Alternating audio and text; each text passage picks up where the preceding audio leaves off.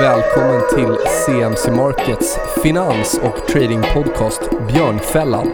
Vi som kör den här podden heter Nils Brobacke och Kristoffer Berggren och vi arbetar båda som analytiker på CMC Markets.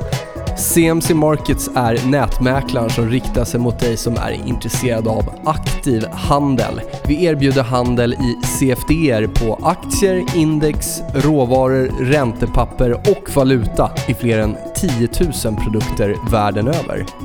All handel sker via vår kostnadsfria och prisbelönta handelsplattform. Vi finns nu i 17 länder och är börsnoterade på London Stock Exchange.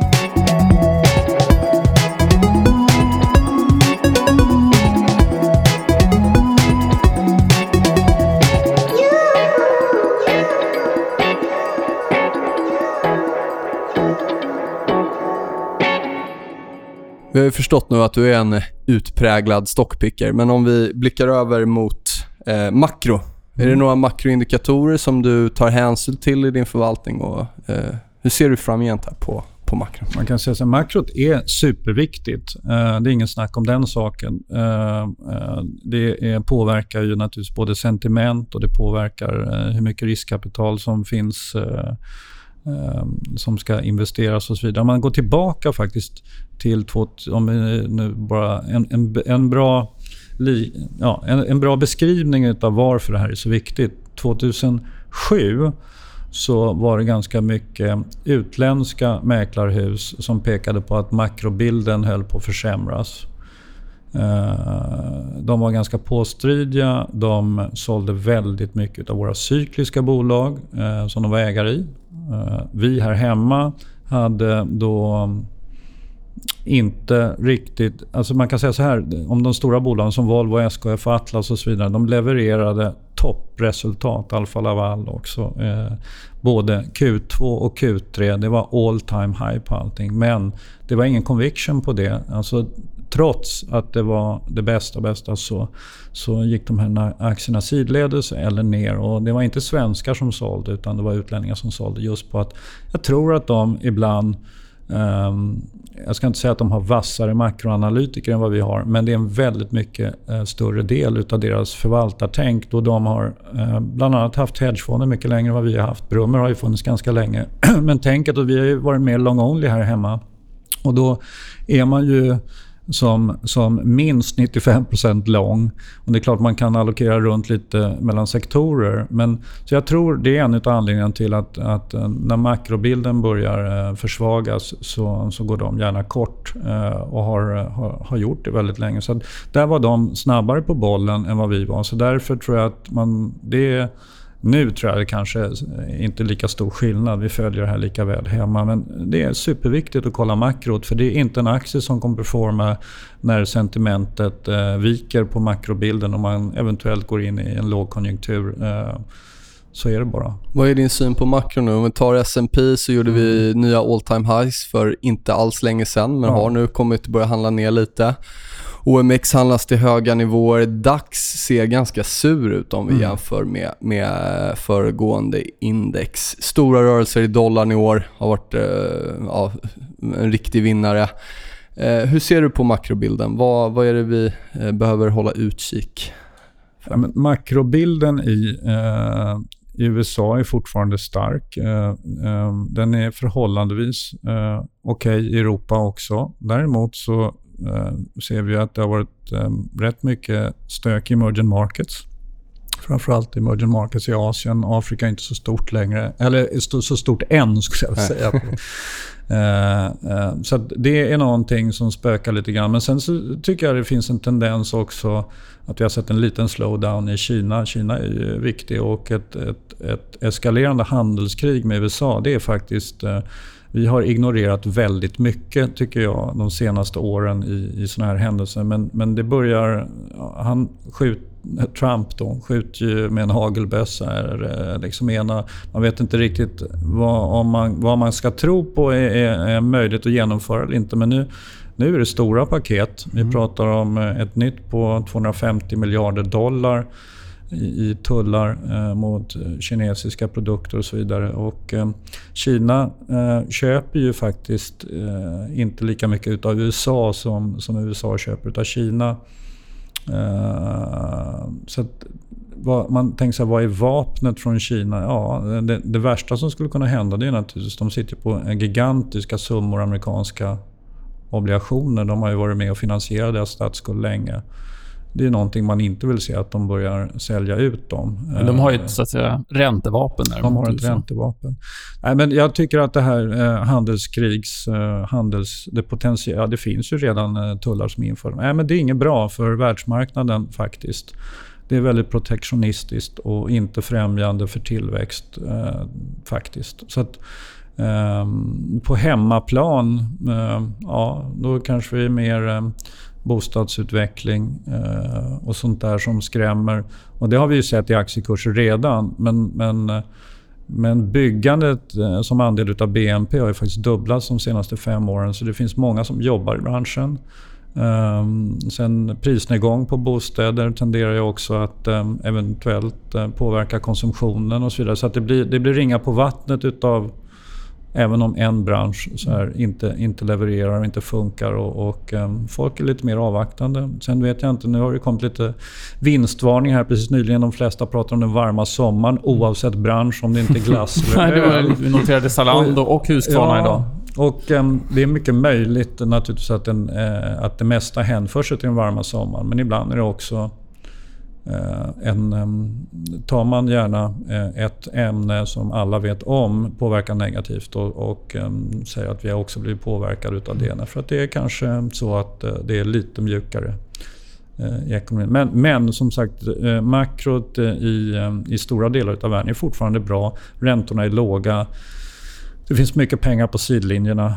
En annan sak som oroar mig också är naturligtvis centralbankernas eh, när de börjar eh, sluta återkö- eller köpa tillgångar. Vilket ehm, man har börjat göra. Och, klarar marknaden att hantera att, att ta de här obligationerna, de här lånen själva till exempel. När ECB nu slutar att köpa företagskrediter och liknande. Jag vet inte, det är en risk också. Mm. Så att eh, många, många branscher, alltså det finns pengar, många bolag kommer ha en fantastisk resa men lite sämre på, um, på det globala Uh, lite mer risker. Det finns ju alltid någonting ja, att oroa sig för. Ja, men de här, det är, det är, det är inte grejer man kan negligera Nej. tycker jag. Utan de är tillräckligt stora uh, för att det kan sätta spår i marknaden. Som har varit upp också i år. Jag menar, det, det började initialt med här i eh, var det januari, februari när vi gick från rakt upp till rakt ner. Det var väl upp 5, 6, 7 procent bara på första eh, eller i januari och sen så var vi på minus 5 procent eh, en stund efter. Och det, det var ju årets största rörelse. Mm. Så att, jag tycker ingen rörelse har varit stor på länge. Så att, det kan då komma någonting. Men när det gäller makrobilden, det är ju väldigt mycket säga, det är trögrörligt, det är stora tal man pratar om och så vidare. Håller du koll på några specifika indikatorer, typ ISM eller sysselsättning i USA, löneutveckling, inflation och så vidare för att få en känsla för liksom mm. makroläget? Ja, det är just de du nämner som är viktigast. Inköpscheferna och arbetslösheten och titta på dem. De är, är, är ju väldigt viktiga. Vad det gäller inflation, det, det är liksom så många olika mått på det. Vi inkluderar inte boendet i det och vi, eh, en del inkluderar inte energipriser och så vidare. Så att jag, jag, någon, någon större inflation finns inte i systemet någonstans och det beror ju på många olika saker. Jag, jag tror inte det är det som eh, kommer vara, eh, vara någon issue utan det, det, är snarare om arbetslösheten skulle tendera att eh, att, inte, att man inte genererar fler jobb, snarare att det vänder åt andra hållet. Och eh, att inköpscheferna blir mer eh, lite eh, avvaktande. Eh, det är väl de stora... Alltså det tråkiga är att på många ställen har man inte lyckats få igenom löneökningar. Så att, eh, eh, just på grund av att inflationen har varit så låg. Eh, så att eh, många arbetare har inte fått så himla mycket mer i lönekuvertet.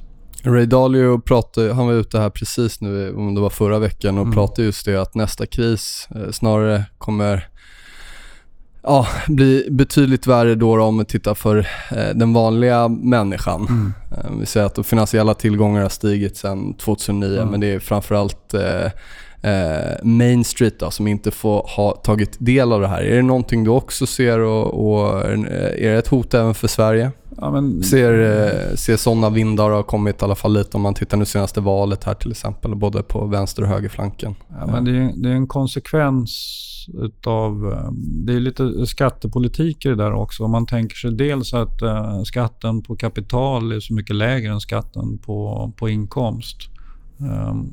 Det är ju någonting eh, som, som man skulle... Vi har en låg kapitalskatt eh, men en extremt hög inkomstskatt. Där tycker jag det skulle kunna finnas någonting att jobba med, någon form av växling. För det är ju, eh, vad, vad gäller skattemässigt. Det har ju skapat klyftor och man förstår det när, när skillnaden mellan de skatterna är så hög.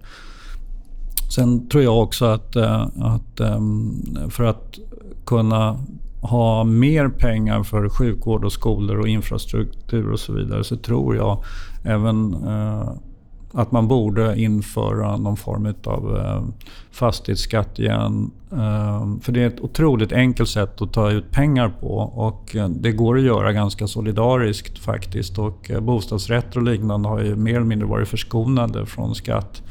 Jag tror det är ett bättre sätt eh, så att säga än att, att ha det höga skattetrycket på, på inkomst. Vi har världens högsta inkomstskatt men eh, ISK eller K-försäkring är en fantastisk sparform. Ja, exempel. då pratar man ju inte ens om, i alla fall inte en positiv marknad, eller de som har tjänat pengar. Då är, ju, då är det ju bara en schablonskatt som är... Vi var lite inne på valuta där tidigare. Mm. Du nämnde ju en, en potentiell kronförstärkning på sikt. Tittar vi så är ju kronan ganska svag just nu. Årets sentiment har ju varit, i början av året var alla negativa till dollar och Mm. nu när dollarn har gått som satan så, så pratar alla om den starka dollarn. Mm. Har ni någon syn där och hur applicerar ni det på er förvaltning? Ehm, ja, det är en intressant fråga faktiskt. Dels så tror jag under många år vi har förvånat oss över varför kronan är så himla svag när vi har en stark ekonomi, en stark arbetsmarknad. Eh, helt ofattbart egentligen. Men det är ju så att kronan är en sån liten valuta så att så fort um, aktiemarknaden går ner så tenderar kronan att försvagas också. För det är, många, eh, det är en stor del av Stockholmsbörsen som ehm, ägs av utländska investerare. Um, sen har ju då på slutet inför valet senaste halvåret Sverigedemokraternas um, framfart eh, gjort många utlänningar mer rädda för så kallad swexit. Och, eh, som vi kanske inte själva här hemma tror eh, ens är möjlig att de skulle kunna driva igenom. Eh, så att det har nog varit lite för stor oro utomlands ifrån. Men det har man också sålt kronor på. Eh, Så jag- kanske en hedge på nedsidan där, att man väljer att korta svenska kronor. Å andra sidan har ju OMX gått upp på kronförstärkningen, i alla fall säga. sista. Så att det är ju ja, det är något som går emot den historiska eh, korrelationen där. Ja, men det är ju många bolag som, är, som har tjänat väldigt mycket pengar på den svaga kronan. Många exportföretag, inte minst skogsindustrin och, och eh, även de stora svenska verkstadsbolagen naturligtvis eh, tjänar pengar på det här. Men eh, det- blir ju oftast någon gång en baksida utav det också. Så det, det, det skulle jag vilja säga att det är one-offs från, från någon form av mellanläge. Eh, nej, men vi späckar inte i valutor, men vi har, ju, vi har köpt i småbolagsfonder lite grann. Eh, ett litet bolag som eh, Bergs Timber, men det är mest på, på dollarförstärkningen.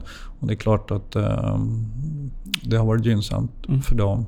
Men annars så, så tycker jag valutamarknaden nästan den är svårast utav alla marknader att förstå sig på. Ja, faktiskt. Så Ja. att, eh, det undviker vi att späcka i. Men att det är bra för exportindustrin, det förstår vi också med en svag krona.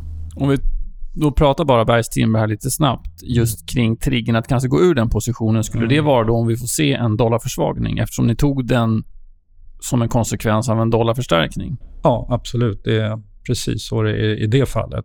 Mm. Så det kan man säga var en opportunistisk lång. Mm.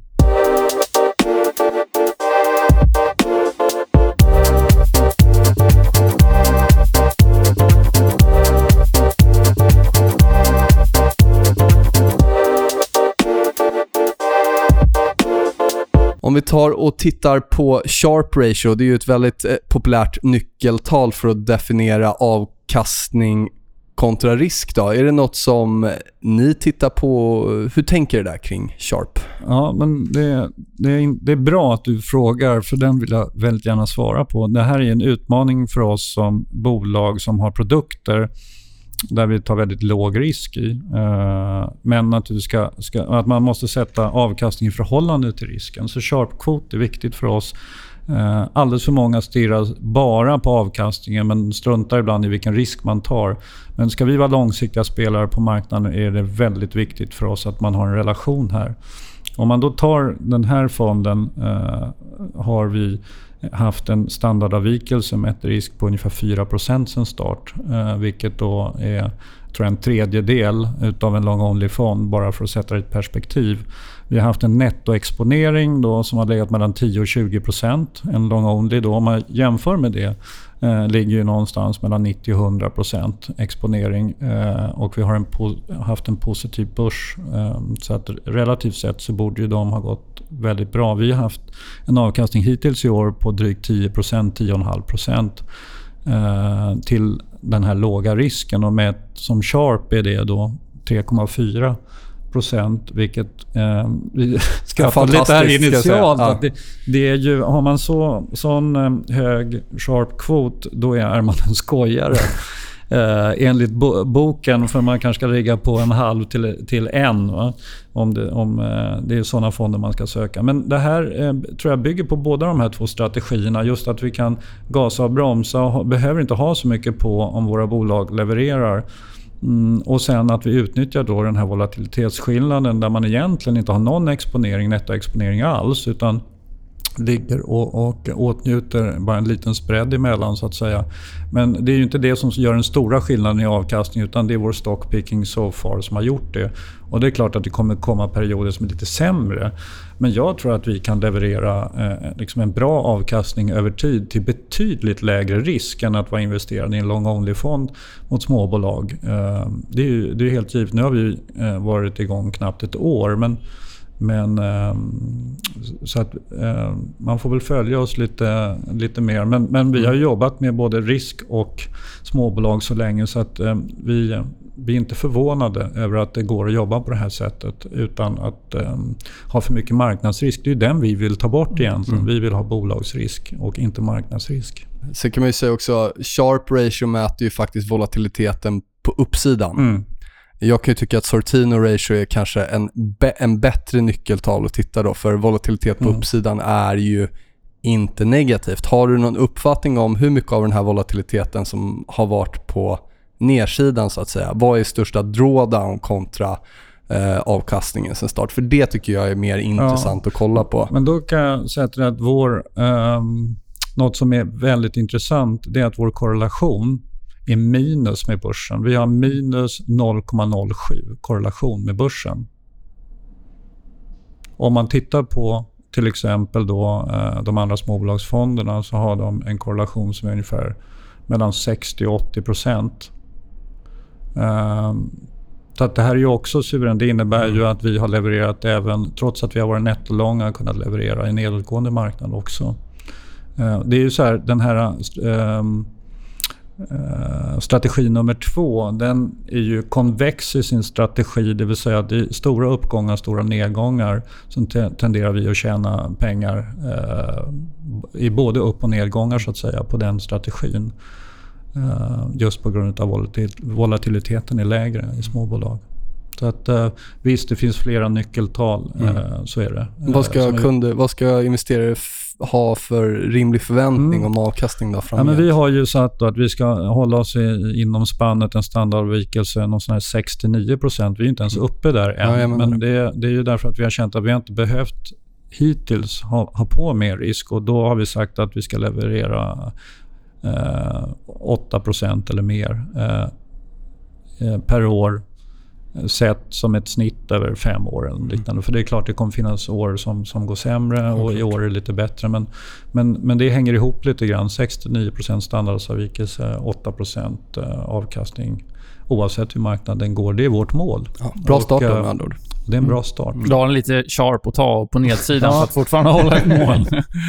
eh, nej, men det är lite intressant det där du nämner. Nu har ni som sagt bara varit igång ett år, så det, det finns inte så mycket att data gå på. Men under den tiden har ju börsen inte varit jättestökig. Så att er så att säga, hedge som ni har på nedsidan med de korta positionerna i terminer och korta bolag kanske den kommer ju löna sig när det blir lite mer stökigt. Sen kommer ju stock, stockpicking-aktierna också åka på det, men det är väl kanske då strategin får visa sig från sin bästa sida, förhoppningsvis. Ja, det vi har känt nu det är ju egentligen att man kan jobba i lugn och ro eh, när man då eh, är, är, kort marknaden mot sina bolag. För att då betyder det inte upp och nedgångar så himla mycket. Mm. Men det är som du säger, det är klart, blir det, blir det lite stökigare då, då ska det, eh, borde det gå ännu bättre för oss relativt.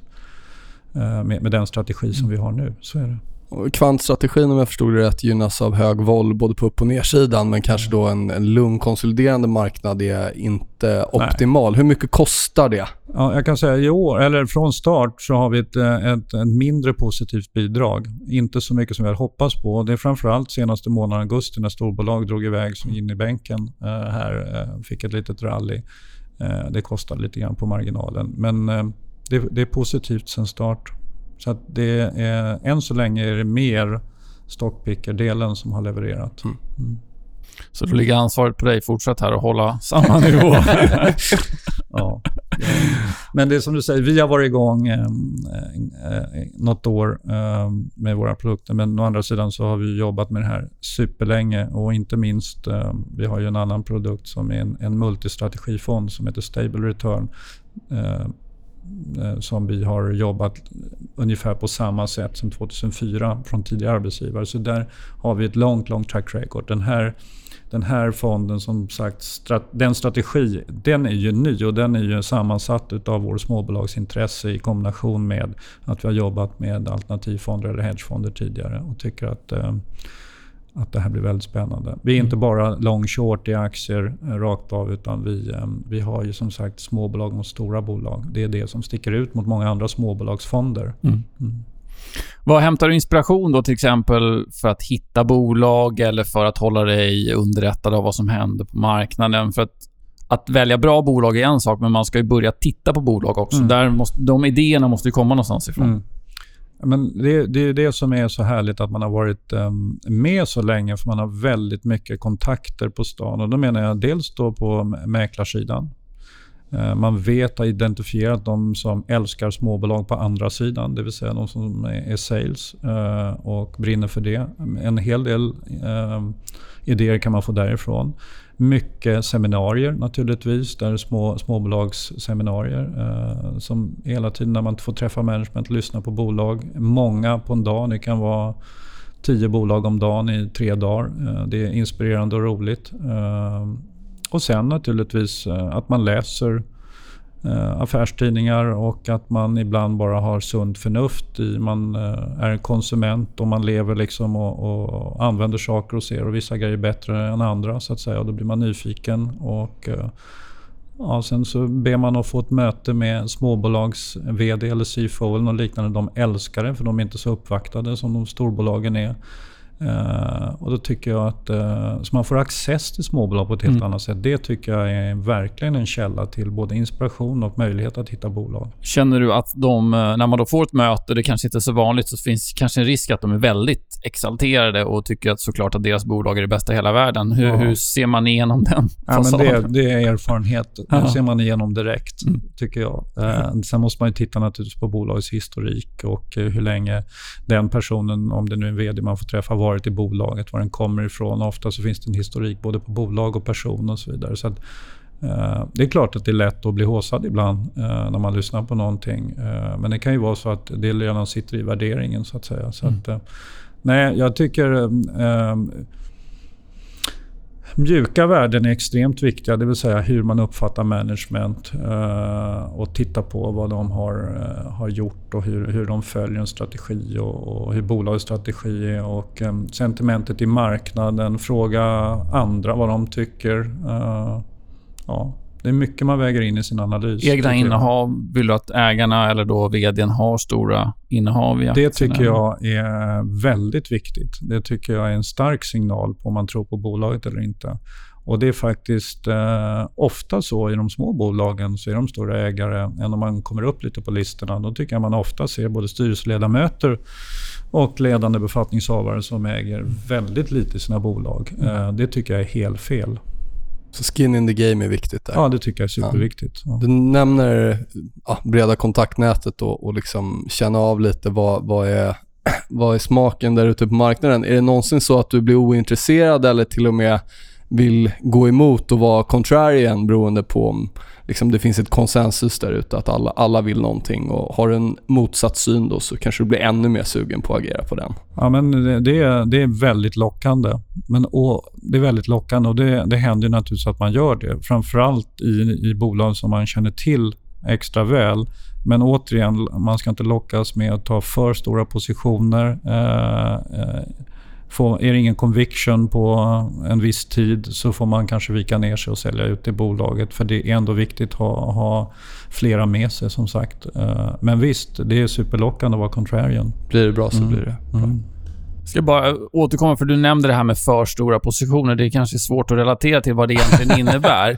Men eh, har du någon, Har du någon erfarenhet av det? procentuell target? Är stor, för stor position, är det 2% av liksom, kapitalet eller är det 10% Ja. eller är det 0,5? Det, Mm. Nej, men det, jag ska, ska vara lite mer tydlig på det. Vad det gäller eh, biotech medtech-aktier, då tycker jag kanske mellan 1 och 2 procent eh, är, är tillräckligt stora positioner. Det är ett bolag som har en, en business som har funnits länge och eh, eh, inte lika beroende av en produkt eller, eh, eller att något forskningsresultat ska trilla på plats. Då tycker jag man kan ha en position som är kanske mellan 2 och 4 procent. Eh, men däremot så ska man ju... Liksom, det är lätt hänt och det är just erfarenhet jag talar från. att man och, och då kan man säga att det är framförallt de bolag som har vuxit sig stora för att det har gått bra. Nej, och det rådet eh, är någonting som inte jag bara själv har kommit fram till utan eh, det finns många duktiga eh, förvaltare och människor där ute som eh, har varit med ett tag eh, som, eh, som säger precis samma sak. Det är viktigt. Bra. Då tror jag vi rundar av. Har du någon bok du tycker alla ska läsa? Det brukar alltid vara intressant. Det får vara vilken jag- typ av bok som helst. Det roliga är att jag, eh, jag, jag skäms verkligen över att säga att jag läser alldeles för lite. Läser jag någonting så tycker jag oftast om någonting spännande. Eh, Men det var så länge sedan och jag har eh, lyssnat på någon ljudbok då och då. Men om man nu ska bara återkoppla till det här är ju extremt tråkigt. Men väldigt viktigt för oss som bolag. Någonting som vi då när vi startar det här bolaget eh, har, sätter stort fokus till det är ju eh, eh, ESG-frågor och vara compliant. När vi startar från ett vitt papper eh, så har den här frågan växt. När vi, för två år sedan när vi hoppade av så var det ju på agendan och alla fondbolag och alla investerare är medvetna om att det här kommer bli något som är viktigare och viktigare. Så det här har blivit en enormt viktig del utav vår förvaltning. Och då blev, blev, satt vi här på skolbänken för ett litet tag sedan och då fick vi...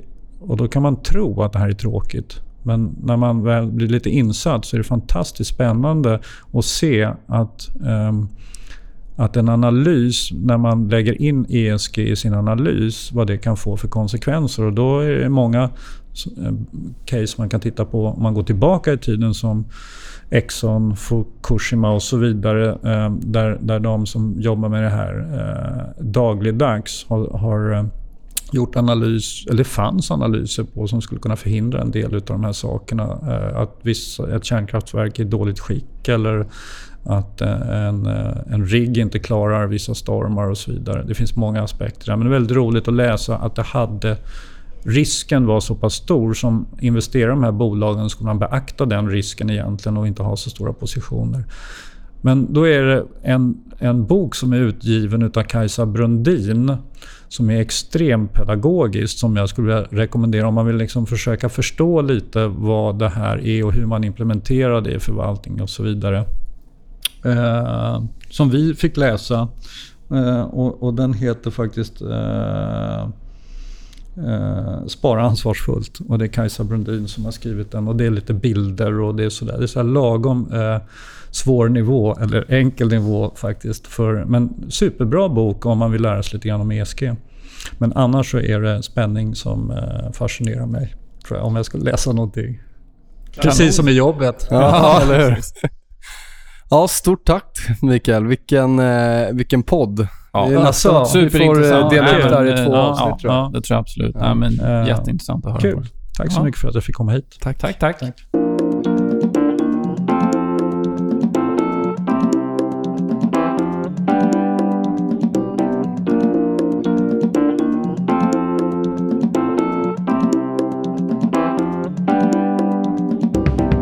Sådär, det var del två av intervjun med Mikael Hanell på Nordic Cross. Eh, jätteintressant tycker jag.